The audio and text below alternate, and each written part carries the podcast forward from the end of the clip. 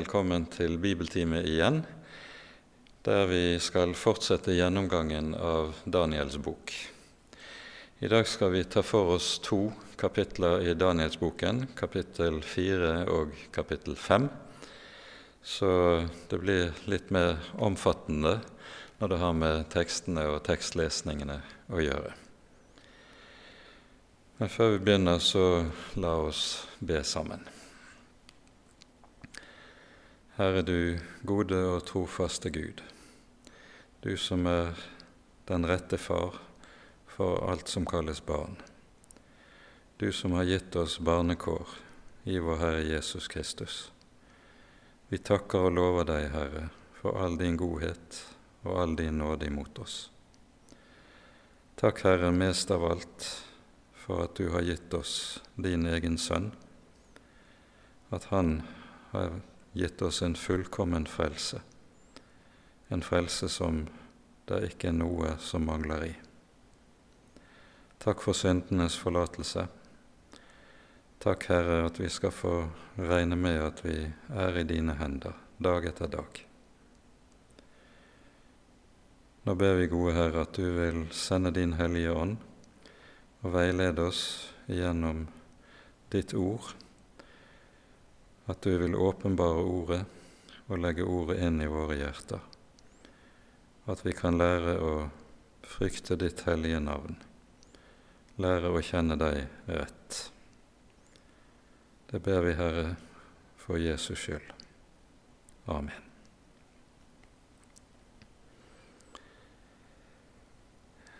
Vi skal altså i denne timen se nærmere på det fjerde og femte kapittelet i Daniels bok. Og disse to kapitlene kan i grunnen inndeles under to hovedoverskrifter. Ehm, det ene dreier seg om hvorledes Herren steller med kong Nebukadneser rent personlig, mens det andre kapittelet, kapittel fem, dreier seg om Guds Israels Guds forhold til verdensriket og dets hersker. Og det som er det hovedbegrepet som så å si binder disse to avsnittene sammen, det er hvorledes Gud håndterer det menneskelige overmot. Men vi begynner med det fjerde kapittel, der vi møter kong Nebukadnesar for siste gang i Danielsboken. Vi har pekt på tidligere hvorledes Nebukadnesar blir enehersker i det babylonske verdensriket eh, ca. år 605. Da overtar han riket etter sin far Nabopolassar. Eh, fra historien vet vi at Nebukadneser lever frem, til år 562, når han avgår ved døden. Og det følger så noen år med en viss kaotisk tilstand i det babylonske riket frem til i år 556. Nebukadnesas svigersønn Nabonid overtar herredømmet i riket. Nabonid eh, begår en del eh, feil rent religionspolitisk som fører til at det blir et opprør mot hans herredømme. Det fører til at Nabonid overgir en stor del av makten til sin sønn Belsasar, som kommer til å foreta styret i de siste ti årene av det babylonske rikes rike før dets fall, eh, år 539 eller 538. Så vi møter da Belsasar i kapittel 5 i Danielsboken. Hans far Nabonid eh, befant seg store deler av disse siste ti årene i, uh, utenfor Babylons grenser. Han uh, ledet hæren med en rekke eh, militære tokt, særlig i Arabia, men også ned mot Egypt. Eh, men dette er altså de rent ytre forholdene i det babylonske riket i den perioden vi nå er inne i. Med det fjerde kapittelet i eh, Danielsboken så møter vi altså kong Nebukadnesa, eh, antagelig henimot slutten av hans regjering. Nøyaktig når vet vi ikke, det angis ikke i eh, Danielsboken.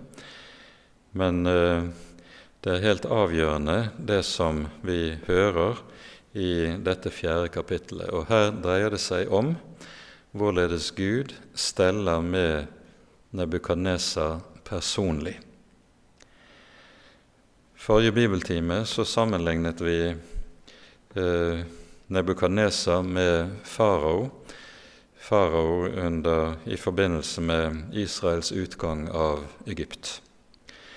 Og Det som er noe av den avgjørende forskjell mellom farao og Nebukadnesa, er at Nebukadnesa etter hvert bøyer seg for Herren, og i det fjerde kapittel møter vi beretningen om hans egentlige omvendelse. Også her er Daniel en sentral person som den som forstår og tyder Nebukadnesas drømmer, idet Gud bruker en drøm som redskap i Nebukadnesas omvendelse. Og Vi tar oss nå tid til å lese gjennom den første delen av det fjerde kapittelet før vi går videre. Vi hører her at Nebukadnesa etter de begivenhetene i, som vi hører om i det fjerde kapittelet, sender ut et offentlig brev til, hele, til alle folk som eh, er ham underlagt. Og det er begynnelsen av dette brevet vi møter nå ved innledningen til det fjerde kapittelet. Kong Nebukadnesa til alle folk og stammer og tunge mål, som bor over hele jorden, fred og fremgang for dere alle. Jeg har funnet for godt å kunngjøre de tegn og under som den høyeste Gud har gjort imot meg. Hvor store er Hans tegn? Hvor mektige er Hans under? Hans rike er et evig rike, og Hans herredømme varer fra slekt til slekt. Jeg, Nebukadnesa, levet i ro i mitt hus, jeg var frisk og vel til mote i mitt slott. Da hadde jeg en drøm som gjorde meg redd. Mine tanker på mitt leie og synene i mitt indre skremte meg. Jeg sendte da ut et påbud om at alle Babels vismenn skulle føres frem for meg, for at de skulle la meg vite hvordan drømmen skulle tydes. Da kom spåmennene åndemannene, kaldeerne og tegntyderne inn, og jeg fortalte dem drømmen, men de kunne ikke si meg hvordan den skulle tydes. Til sist kom også Daniel inn til meg, han som kalles Belsasar, etter navnet på min Gud. I ham er den hellige Guds ånd. Og jeg fortalte han drømmen. Belsasar, du mester blant spåmenn, jeg vet at Den hellige Guds ånd er i deg, og at ingen hemmelighet er for vanskelig for deg. Si meg nå de synene jeg har sett i drømme. Si meg hvordan de skal tydes. Dette var de synene jeg hadde i mitt indre, mens jeg hvilte på mitt leie. Jeg så i mitt syn et tre som sto midt på jorden det var meget høyt. Det var et stort og sterkt tre, så høyt at det nådde til himmelen, og det var synlig til jordens ende. Løvet var fagert, og det bar rik frukt, så det ga føde til alle. Markens dyr fant skygge under det, himmelens fugler bodde i grenene, og alt som lever, fikk sin føde av det. I de synene jeg hadde i mitt indre mens jeg hvilte på mitt leie, så jeg en hellig vokter som steg ned fra himmelen. Han ropte med høy røst og slik lød hans ord. Fell treet, og grenene av, riv løvet av det og spre frukten omkring. Dyrene som er under treet skal flykte, og fuglene i grenene skal fly bort. Men la rotstubben stå igjen. La den stå der midt i gresset på marken i lenker av jern og kobber. Med himmelens dugg skal han hvetes. Han skal dele lodd med dyrene og ete jordens vekster. Hans hjerte skal forvandre, for, forandres, så det ikke lenger er et menneskes hjerte. Et dyrs hjerte skal han få, og syv tider skal fare fem, fem over ham. Dette, budskap, dette budskapet er etter vokternes råd. Slik er de helliges avgjørelse i denne saken, for at alle som lever, skal sanne at den høyeste har makt over kongedømmet blant menneskene. Han gir det til den han vil, og setter den ringeste av menneskene til å råde over det. Dette er drømmen som jeg, kong Nebukadneser, har sett. Kunngjør meg nå, Belsasar, hva den betyr, for ingen av mitt rikes vismenn kan si meg hva den betyr, men du kan det for den hellige Guds ånd er i deg. Daniel, som hadde fått navnet Belsasar, sto en stund slått av redsel, og hans tanker forferdet ham. Da tok kongen til orde og sa, Belsasar, la ikke drømmen og dens tydning skremme deg. Belsasar svarte, Herre, Måtte bare denne drømmen gjelde dem som hater deg, og dens tydning dine fiender. Treet som du så, var stort og sterkt. Det var så høyt at det nådde til himmelen, og det var synlig over hele jorden. Det hadde så fagert løv og bar så rik frukt at det ga føde til alle. Markens dyr hadde tilhold under det, og himmelens fugler bodde i grendene. Dette treet er du selv konge. Du er stor og mektig. Ditt velde har vokst så det når til himmelen, og ditt herredømme til jordens ende. Kongen så en hellig vokter komme ned fra himmelen og si:" Fell treet og ødelegg det. La rotstubben stå igjen i jorden, men i lenker av jern og kobber midt i gresset på marken.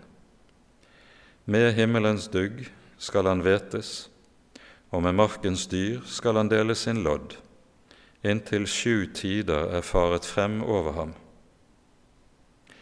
Dette er tydningen, konge, den høyestes rådslutning som kommer over min Herre Kongen. Du skal bli utstøtt fra menneskene og din bolig skal være blant markens dyr. Du skal ete gress like som oksene, og med himmelens dogg skal du vetes. Sju tider skal gå frem over deg inntil du sanner at den høyeste har makten over kongedømmet blant menneskene, og gir det til den han vil. Men så ble det sagt at treets rotstubb skulle stå igjen. Det betyr at riket igjen skal være ditt fra den tid du sanner at himmelen har makten. Konge, la derfor mitt råd være deg til behag. Løs deg fra dine synder ved rettferdighet, og fra dine misgjerninger ved barmhjertighet mot fattige. Så skal din lykke vare. Alt dette kom over kong Nebukadneser. I dette avsnittet hører vi altså igjen om en drøm som får en helt sentral betydning i Nebukadnesers liv. Vi gikk jo tidligere i år igjennom Jobbs bok, og i det 33. i Jobbs bok hører vi hvordan Herren nettopp kan anvende drømmer og nattlig uro med tanke på menneskers omvendelse. I Jobb kapittel 33 leser vi fra vers 14. En gang taler Gud, ja, to ganger, hvis mennesket ikke akter på det. I drømmer, i syner om natten, når dyp søvn faller på menneskene, når de slumrer på sitt leie. Da åpner Han deres ører og trykker sitt seil på advarselen til dem, for å få mennesket til å la sin gjerning fare, og for å utrydde overmotet hos mannen, for å frelse hans sjel fra graven. En gang ja, to ganger taler Gud til et menneske, hørte vi det ble sagt her. Og nettopp dette gjelder Nebukadneser. Gjennom Daniel så har Nebukadneser møtt Guds ord og Guds røst flere ganger tidligere. Det har gjort inntrykk på Nebukadneser, men det har ikke ført ham til omvendelse. Det har ikke ført til at Nebukadneser har latt sine guder fare og erkjenne at Israels Gud er den eneste sanne Gud, og at det ikke er andre guder. Sannsynligvis så har Nebukadneser nettopp vært behersket av den alminnelige tankegang i hedenskapet, at gudene befinner seg i et slags pantheon, ett folk har en gud, en gud, og et annet folk en annen, osv. At det bare finnes én Gud, og at alle andre guder er falske, det var en utenkelig tanke innen hedenskapet. Dette ser vi også når den første kristne kirke trer frem, og de første kristne kjennetegnes bl.a. ved fornektelse av alle Romers og Grekenlands guder. Det fører til at ofte i propagandaen mot de første kristne så kalles de rett og slett for ateister. Så fjernt var tanken om at det bare finnes én Gud i hedenskapet. Og slik har det nok også vært for Nebukadnesa sitt vedkommende. Han har erkjent at Daniels Gud er en virkelig Gud, men ikke at han er den eneste, at han dermed er himmelens og jordens skaper, at han er den allmektige. Den erkjennelsen ligger langt inne, og derfor er også hedenskapets kjennetegn noe som fortsatt henger fast ved Nebukadneser. Og det fremste kjennetegnet er nettopp hovmote eller overmote.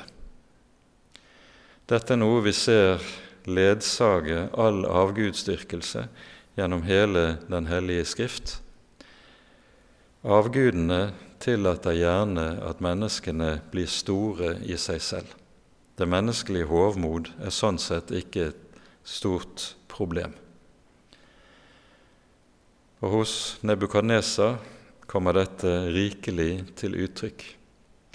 Vi hørte i ordene vi leste fra Jobbs bok, at når Herren trykker seilet på sin advarsel på menneskenes hjerte, så er det bl.a.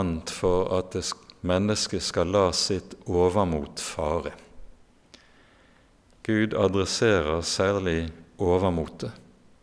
For overmotet, eller hovmotet, det er så å si selve ursynden. Augustin kaller menneskets overmot for roten til all annen synd. Og i katolsk tradisjon, der man taler om de syv dødssynder, så er nettopp overmotet en av disse syv. I Bibelen fremtrer dette gjennom det som er kjernen i syndefallet. Når slangen frister Adam og Eva, skjer det med ordene 'Dere skal bli like som Gud'. Og denne trangen til at mennesket med sitt ego selv vil ta den plass som tilkommer Gud, er det som dypest sett er hovmotet eller overmotet i slik det beskrives i Den hellige skrift. Mennesket har en ubendig trang til å guddommeliggjøre seg selv.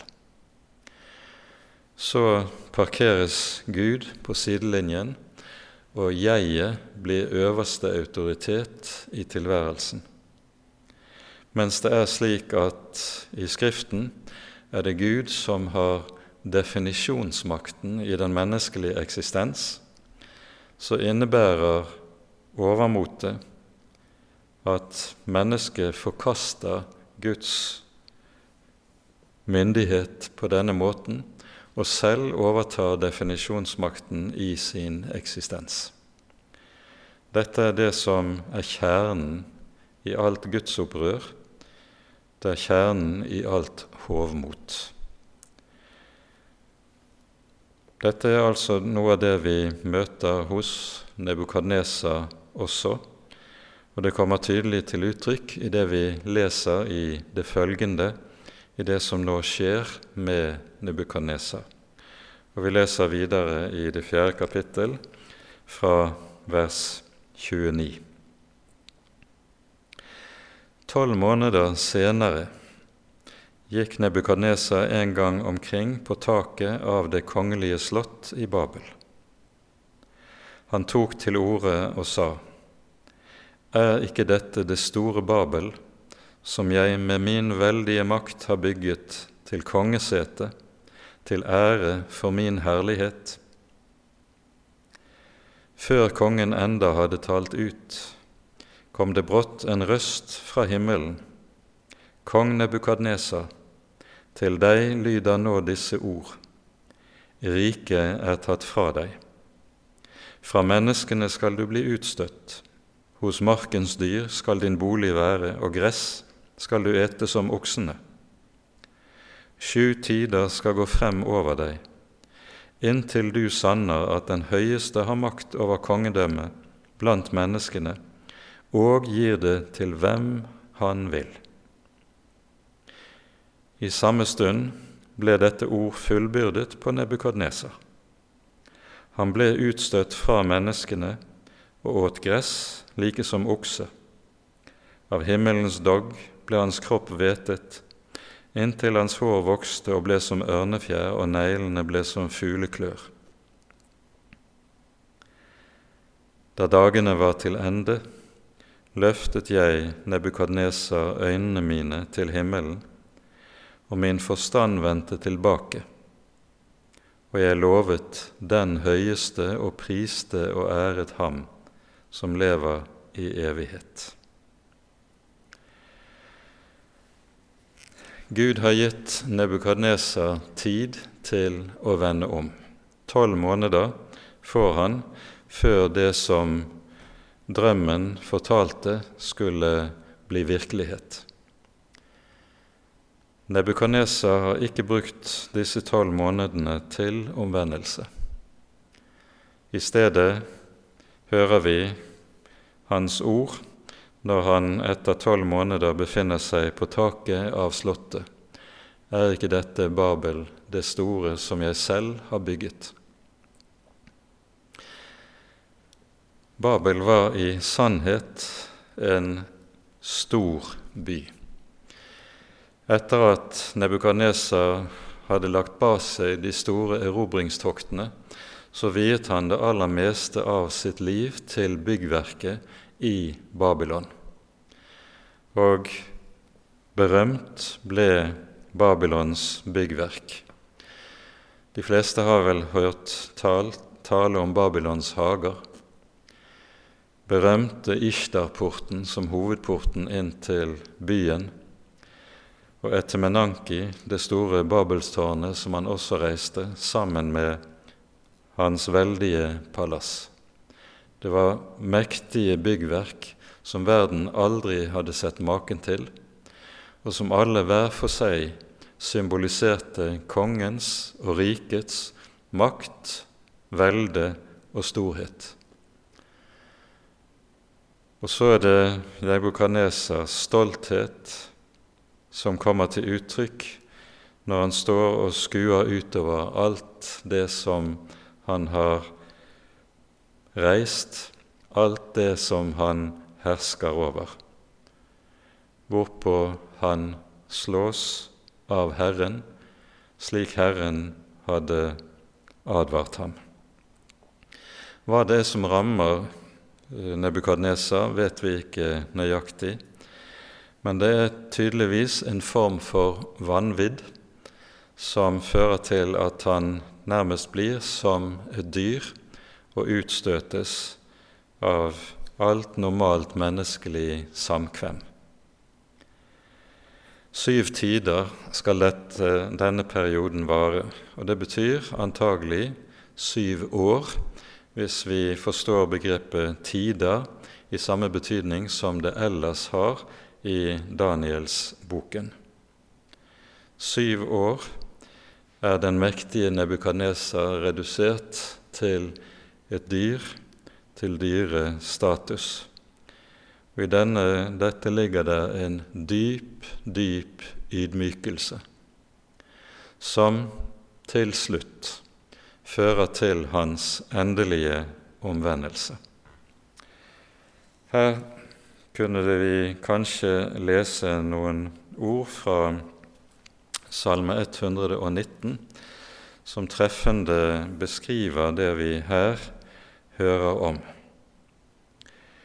I Salme 119 leser vi slik i vers 67.: Før jeg ble ydmyket, for jeg vil, men nå holder jeg ditt ord. Og så noen vers nedenfor, i vers 71. Det er godt for meg at jeg ble ydmyket, så jeg kunne lære dine forskrifter. Og så igjen noen vers nedenfor, i vers 75. Jeg vet, Herre, at dine dommer er rettferdige, og i trofasthet har du ydmyket meg. Og så følger det i det neste verset. La din miskunnhet være min trøst etter ditt ord til din tjener. La din miskunnhet komme til meg for at jeg kan leve.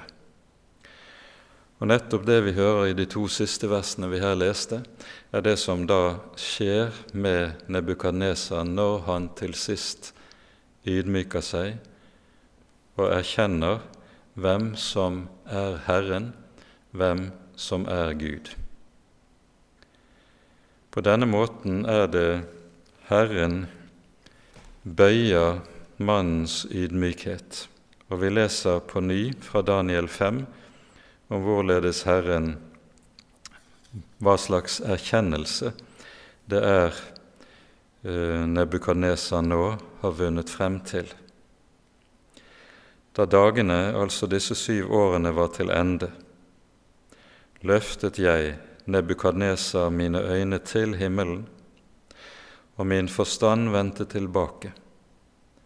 Jeg lovet den høyeste og priste og æret ham som lever i evighet. Hans herredømme er et evig herredømme, og hans rike varer fra slekt til slekt.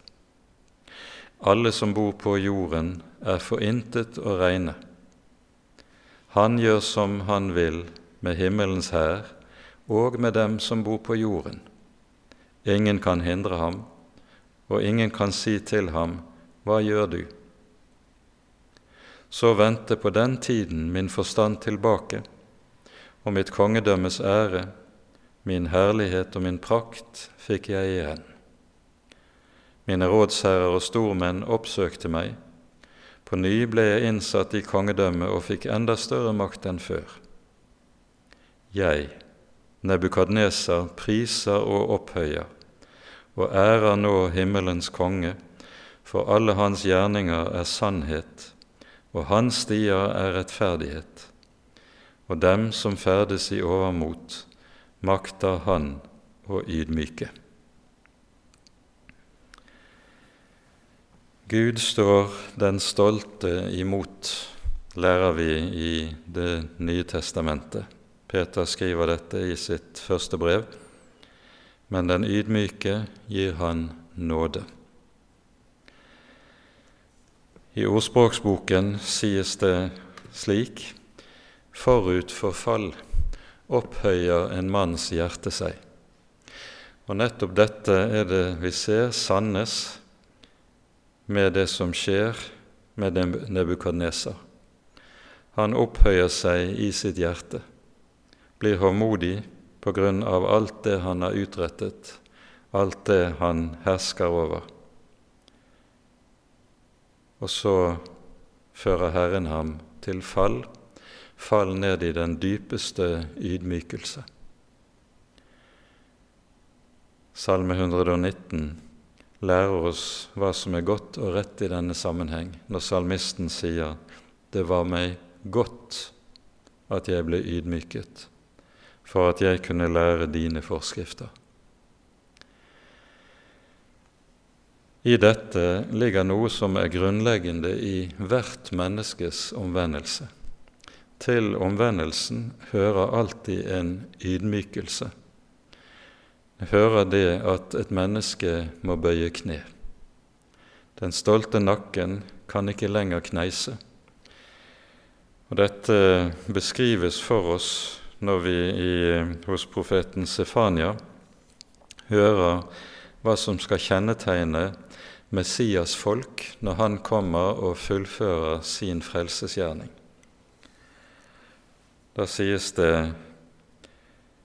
slik På den dagen, altså når Messias har fullført sin gjerning, skal du ikke mer skamme deg over alle de gjerninger du forbrøt deg med imot meg, for da vil jeg rydde bort hos deg den som jubler så stolt, og du skal ikke mer opphøye deg selv på mitt hellige berg men jeg vil la det bli tilbake hos deg, et bøyet og ringe folk. De skal ta sin tilflukt til Herrens navn. Og I tråd med dette er det vår Herre Jesus som innledning til bergprekenen kan si ordene Salige er de fattige i ånden, for himlenes rike er deres. Og fra denne dagen av tror vi har lov til å si at Nebukadnesa er en Guds mann, en som hører Herren til, og som er et omvendt menneske. Men han får antagelig ikke beholde sitt kongedømme så svært, svært lang tid etter dette. Som nevnt, han dør i år 562 før Kristus. I det neste kapittelet leser vi om hans sønnesønn Belsasar, som etterfølger ham. Og Dette kapittelet har uhyre stor betydning i Guds rikes historie i det, som, i det det er slik at det vi her hører, det utgjør samtidig et forbilde på det som vi leser om i eh, Johannes' åpenbaring, når vi hører om hvorledes Kristus ved sitt komme gjør ende på Antikrists rike, Babylon det store. Det er en meget nær sammenheng med, mellom dette kapittel 5 i Danielsboken og det vi altså leser om disse ting i åpenbaringsboken.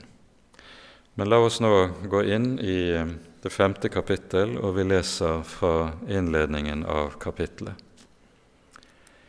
Kong Belsasar holdt et stort gjestebud for sine tusen stormenn og drakk vin for deres øyne. Da vinen smakte Belsasar, befalte han at de skulle hente karene av sølv og gull som hans far Nebukadneser hadde ført bort fra tempelet i Jerusalem, slik at kongen og hans stormenn og hans koner og medhustruer kunne drikke av dem. De hentet da gullkarene som var ført bort fra tempelet, fra Guds hus i Jerusalem. og kongen og hans stormenn, hans koner, medhustruer, drakk av dem. De drakk vin og priste sine guder av gull og sølv, av kobber, jern, tre og stein. I samme stund kom det til syne en finger av en menneskehånd som skrev på den kalkede veggen i kongens slott midt imot lysestaken, og kongen så hånden som skrev.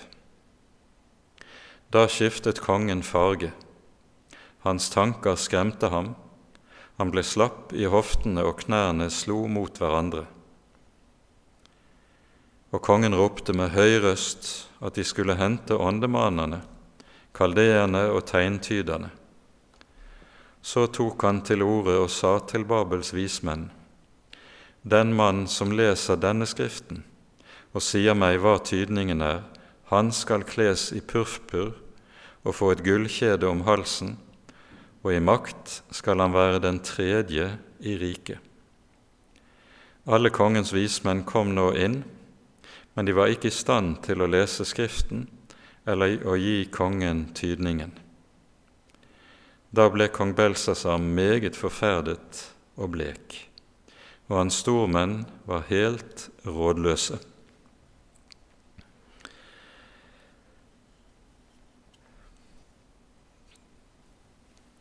Belsasar skjelver i buksene, ville vel bli sagt på litt mer moderne norsk, slik som det beskrives denne reaksjonen hans etter synet av hånden som skriver på veggen i palasset hans. Dette skjer altså i år 539 eller 38, natten før Babylon faller og verdensherredømmet overtas av det persiske riket.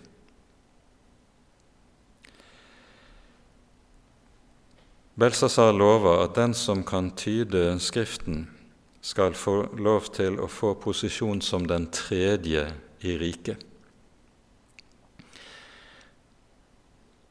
Grunnen til at det sies den tredje og ikke den andre, er nettopp at hans far Nabonid er den første i riket, selv om han befinner seg utenfor Babylons landegrenser for øyeblikket, mens Belsasar selv altså er den andre i riket etter sin far. Og så loves det at den som kan tyde, vil bli den tredje. Vi leser videre. Dronningen fikk høre kongens og stormennenes ord og kom inn i festsalen. Dronningen er antagelig Belsasars mor, Nabonids hustru, som altså er den egentlige dronning i eh, riket. Hun tok til orde og sa, Kongen leve evig.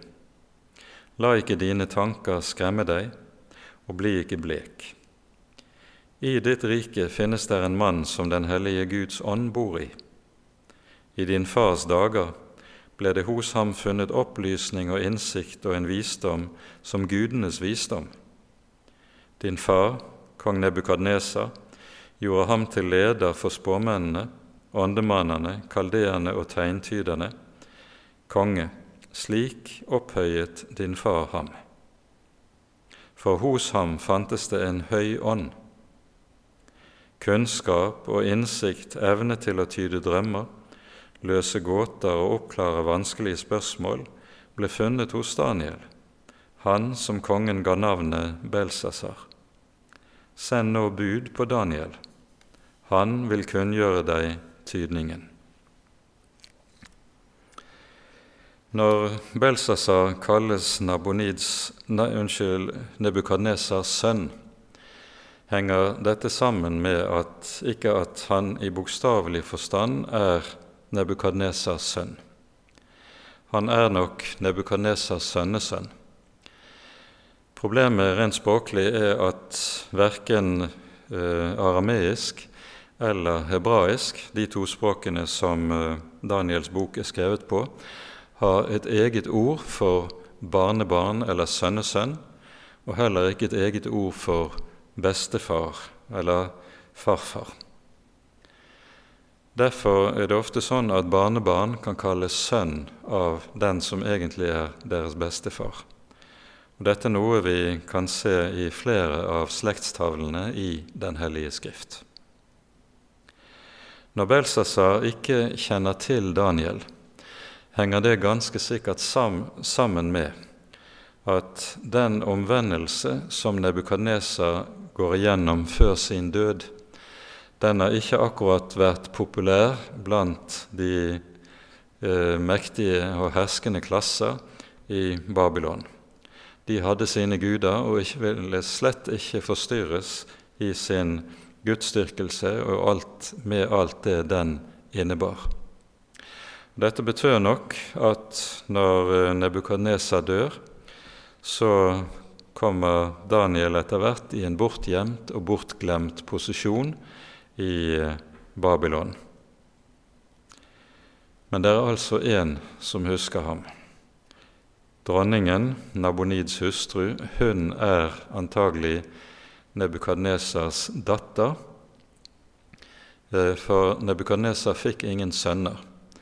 Så det er hun som da blir dronning, og Nabonid, som gifter seg med henne, blir konge sammen med henne, og altså Nebukadnesas etterfølger. Hun husker Daniel godt og henleder oppmerksomheten på ham, slik at Daniel nå tilkalles. Og vi leser videre. Så ble Daniel ført inn for kongen, og kongen tok til orde og sa til ham:" Er du den Daniel en av de jødiske fanger som kongen, min far, førte hit fra Juda. Jeg har hørt om deg at Guds ånd er i deg, og at det hos deg er funnet opplysning og innsikt og høy visdom. Nå er vismennene og åndemannene blitt ført inn til meg for å lese denne skriften og kunngjøre meg tydningen, men de er ikke i stand til å si meg hva den betyr. Men jeg har hørt om deg at du kan gi tydningen og oppklare vanskelige spørsmål. Kan du nå lese denne Skriften og la meg vite hva den betyr? Så skal du bli kledd i purpur og få et gullkjede om halsen, og i makt skal du være den tredje i riket. Da tok Daniel til orde og sa, der han sto for kongen, Dine gaver kan du selv beholde og dine belønninger kan du gi til en annen. Men Skriften skal jeg lese for kongen og fortelle ham hva den betyr. Konge, den høyeste Gud ga Nebukadnesa, din far, riket og makten og æren og herligheten.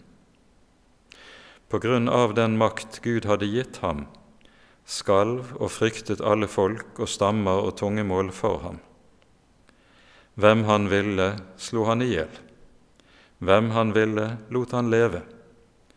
Hvem han ville, opphøyet ham, og hvem han ville, fornedret han.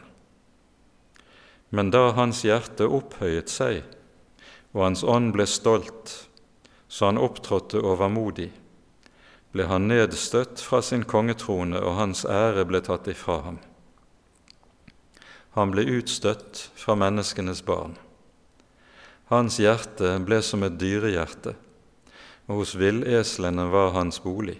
Gress måtte han ete liksom oksene, av himmelens dugg ble hans legeme vett, inntil hans sannhet at den høyeste Gud råder over kongedømmet blant menneskene, og gir det til hvem han vil. Men du, Belsasar, hans sønn, har ikke ydmyket ditt hjerte, enda du visste alt dette. Du har opphøyet deg mot himmelens Herre. Karene fra hans hus har de brakt til deg. Du og dine stormenn og dine hustruer og medhustruer har drukket vin av dem, og du har prist dine guder av sølv og gull, kobber og jern, tre og stein, de som ikke ser og ikke hører og ikke har forstand. Men den Gud som har din livsånde i sin hånd, og som råder over alle dine veier, ham har du ikke æret. Derfor ble denne hånd sendt fra ham og denne skrift skrevet. Og dette er den skriften som ble skrevet her. Mene, mene, tekel ofarsin. Dette er tydningen av ordene. Mene, tellet har Gud ditt kongedømmes dager og gjort ende på det. Tekel, veiet er du på vektskålen og funnet for lett. Peres, delt er ditt rike og gitt til mederne og perserne. Da ga Belsasar sitt påbud, og de kledde Daniel i purpur og hengte en gullkjede om hans hals, og ropte ut at han i makt skulle være den tredje i riket. Men samme natt ble Kaldea-kongen Belsasar drept. Og I den samme inntas også Babylon av perserne uten at det gjøres synderlig motstand. Perserne behøvet ikke å erobre Babylon. De inntok Babylon så godt som uten sverdslag, og med det overtok det persiske riket også verdens herredømme. Og Dette er helt i tråd med det som var Nebukadnesars første drøm, der han drømte om gullstøtten med hodet av gull, brystet og armene av sølv, som skulle følge etter og symboliserte altså det persiske riket. Når Daniel tyder Skriften, så hører vi han taler til Belsasar meget uredd.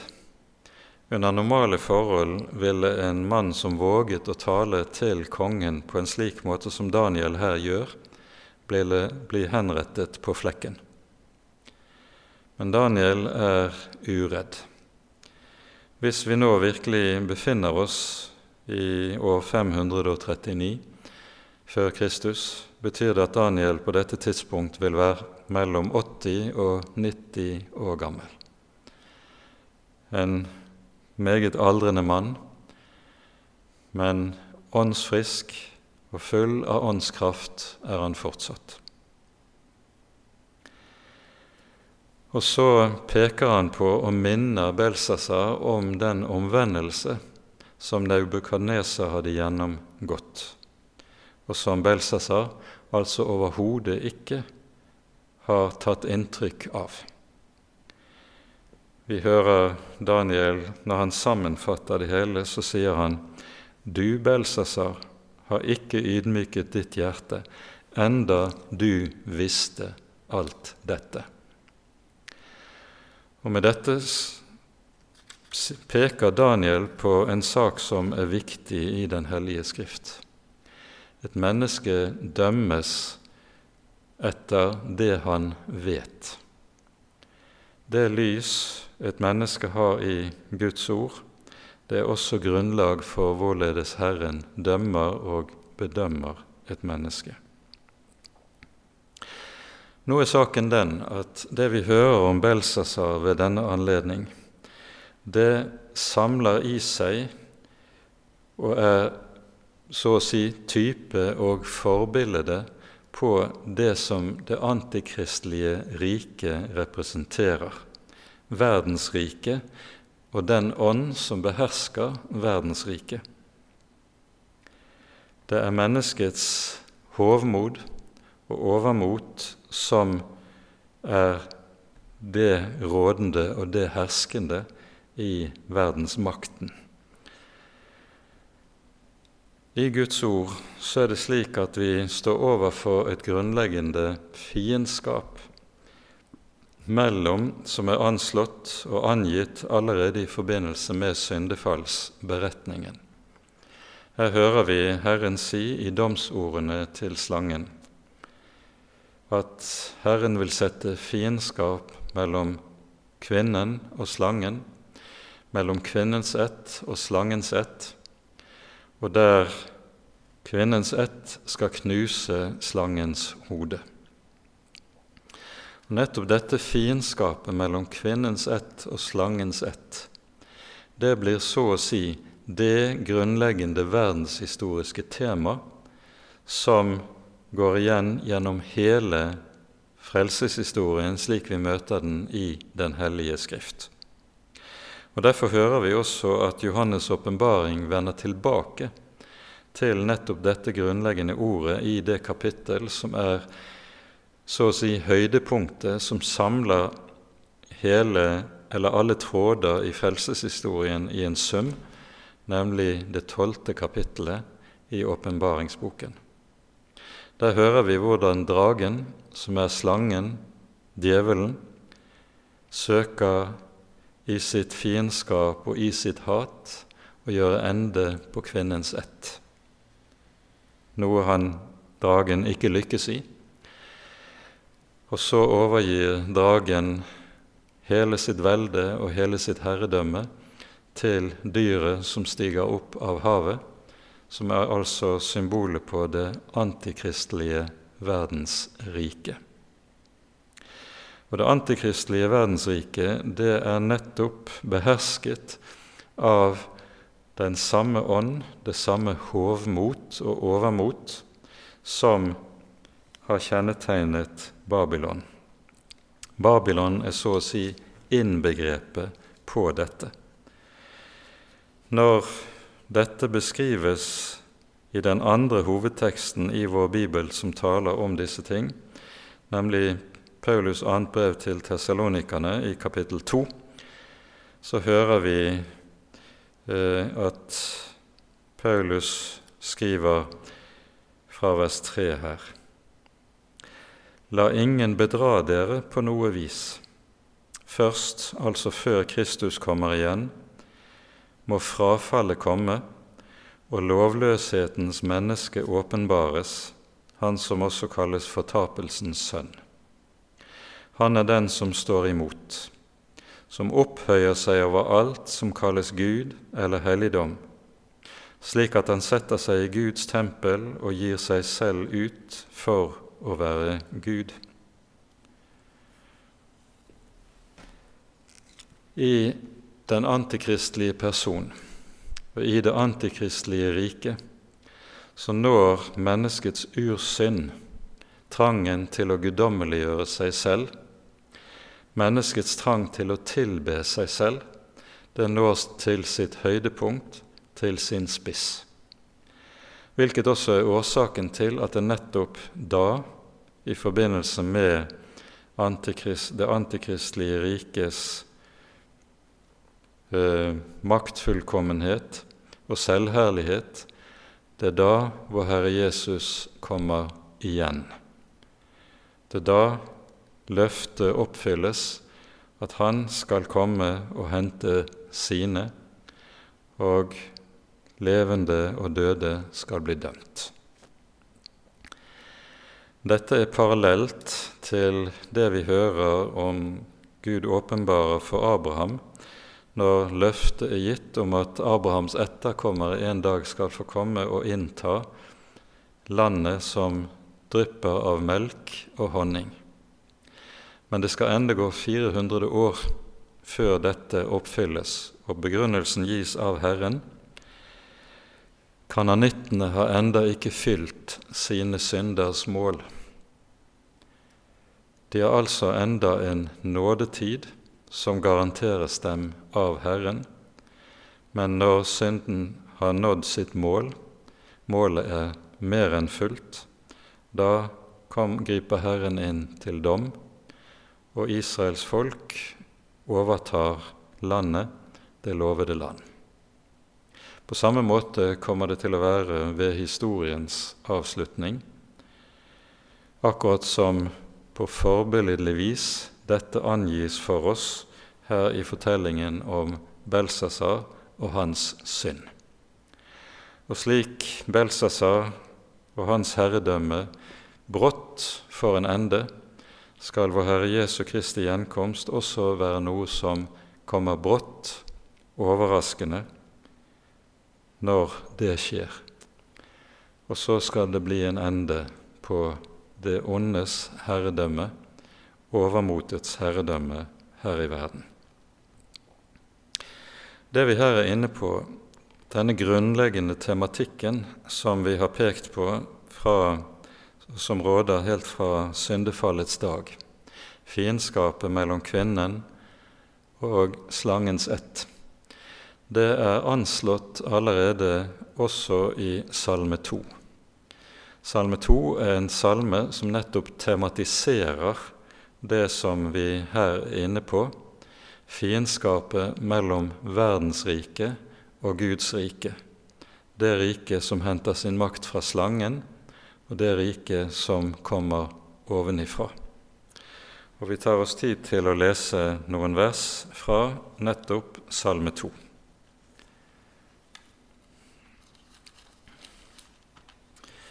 Her reises spørsmålet hvorfor larmer hedningene? Hvorfor grunner folkene på det som fåfengt er? Jordens konger reiser seg, og fyrstene rådslår sammen mot Herren og mot Hans salvede. La oss sprenge deres bånd og kaste deres rep av oss. Det er lovløshetens hemmelighet som er angitt med disse ordene i det tredje verset i Salme 2. La oss sprenge deres bånd og kaste deres rep av oss. Så kommer Guds svar. Han som troner i himmelen, ler. Herren spotter dem. Så taler han til dem i sin vrede, og i sin store harme forferder han dem.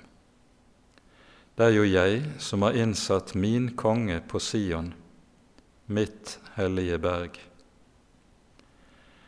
Og så kommer litt lenger nede i salmen advarselen. Og nå, dere konger, gå viselig frem, la dere advare, dere herskere på jorden. Nebukadneser lot seg advare, Belsasar ikke. Og så har Gud satt en dom til alt som er stort, alt som er hovmodig, alt som er opphøyet blant menneskene. Jesus sier uttrykkelig i Lukasevangeliets 16. kapittel det som er høyt i menneskers øyne, er vederstyggelig i Guds øyne. Og denne dom over alt som er stort og opphøyer seg, den er kanskje aller sterkest malt for oss i Jesaja-bokens andre kapittel. Etter at profeten Jesaja har pekt frem mot det kommende Gudsriket ved Messias, der folkeslagene skal strømme til Jerusalem med bønn om at Herren vil lære dem, så følger profetien om dommen over alt som er mektig, stolt og som opphøyer seg selv. Vi leser fra Jesaja 2 fra vers 9.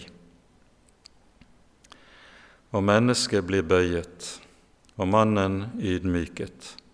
Tilgi dem ikke. Gå inn i fjellet og gjem deg i støvet for Herrens gru og for Hans høyhets herlighet. Menneskets stolte øyne blir ydmyket, mennenes stolthet blir bøyet, og Herren alene er høy på den dag. For Herren herskarenes Gud har satt en dag til dom over alt stolt, over alt høyt, over alt opphøyet, så det blir ydmyket. Litt lenger nede kommer det og menneskets overmot blir bøyet, mennenes stolthet ydmyket, og Herren alene er høy på den dag og avgudene med dem er det helt forbi. Og så til slutt i kapittelet. Hold da opp med å stole på mennesket, som bare har et pust i sin nese. Hva er han å akte for? Nettopp dette grunnleggende som går i, egentlig går igjen gjennom hele Den hellige skrift. Det er det som er temaet i det femte kapitlet i Daniels bok. Og Da skal vi ta til hjertet de siste ordene som lyder til oss i Salme 2. Tjen Herren med frykt og juble med beven. Kyss Sønnen for at han ikke skal bli vred, og dere gå til grunne på veien, for snart kunne hans vrede bli opptent. Salige er alle de som tar sin tilflukt til ham. Kyss Sønnen, sies det. I dette ligger nettopp det å omfavne Guds sønn som sin frelser. Og så sies det til slutt i salmen salig er alle de som tar sin tilflukt til ham. Her tales det om å ta sin tilflukt til Sønnen, nøyaktig på samme måte som det tales om å ta sin tilflukt til Herren, ellers igjennom Salmenes bok ganske særlig, men for øvrig i Det gamle testamentet også. Og med det peker Salme 2 tydelig på dette at Sønnen er Gud. For det er bare Gud som har dette, at det er ham mennesket skal ta sin tilflukt til. Det er ham mennesket skal sette sin lit til. For han er den som er klippen, den eneste å stole på. Ingen kan legge en annen grunnvoll enn den som er lagt, Kristus Jesus. Det er hva Salme 2 minner oss om, og det er dette kampen gjennom verdenshistorien dreier seg om. Om mennesket vil stille seg på den grunnvoll som er lagt av Gud selv, og som er vår Herre Jesus Kristus, eller om mennesket vil bygge på seg selv da sier Jesaja, hold da opp med å stole på mennesket, i hvis nese det bare er et pust. Med dette setter vi punktum for denne bibeltimen. Ære være Faderen og Sønnen og Den hellige ånd, som var og er og være skal, en sann Gud, høylovet i evighet. Amen. Til sist minner vi om et par saker når det gjelder tiden fremover.